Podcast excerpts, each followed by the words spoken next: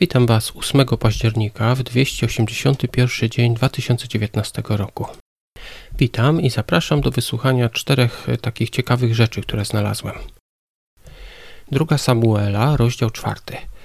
Czytamy tutaj o tym, jak Mefiboszet został kaleką oraz jak Iżboszet, syn Saula, został zabity przez swoich własnych dowódców.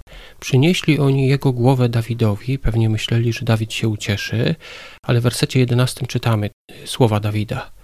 A co dopiero, gdy niegodziwcy zabijają prawego człowieka na łóżku w jego własnym domu?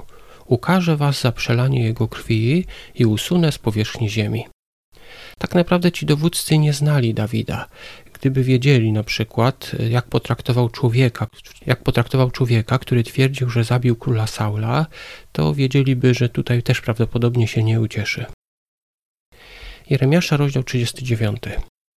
Jerozolima jest zdobyta, Sedekiasz ucieka, ale zostaje złapany. Jaką karę wymyśla dla niego król Babilonu? Zobaczmy wersety 6 i 7. W Ribli król babiloński kazał zabić na oczach Sedekiasza jego synów, a także wszystkich dostojników Judy. Samego Sedekiasza oślepił, a następnie zakuł w miedziane kajdany, żeby go zaprowadzić do Babilonu. Tak więc ostatnią rzeczą, którą Sedekiasz zobaczył, była śmierć jego własnych synów oraz dostojników, a potem do końca życia był w kajdanach.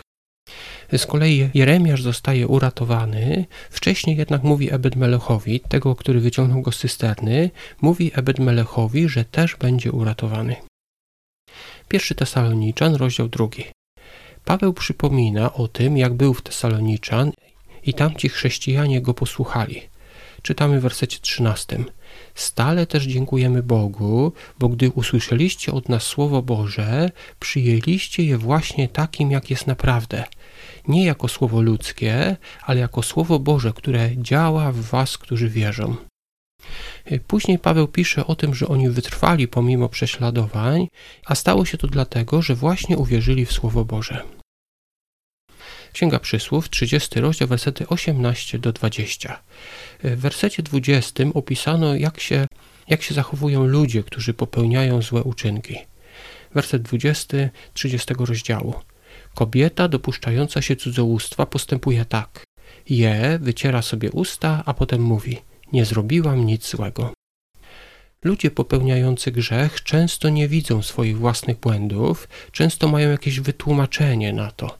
Na przykład takie jak tutaj, że nie zrobiłam nic złego, albo na przykład jakieś wytłumaczenie, zrobiłem coś złego, ale było tak i tak.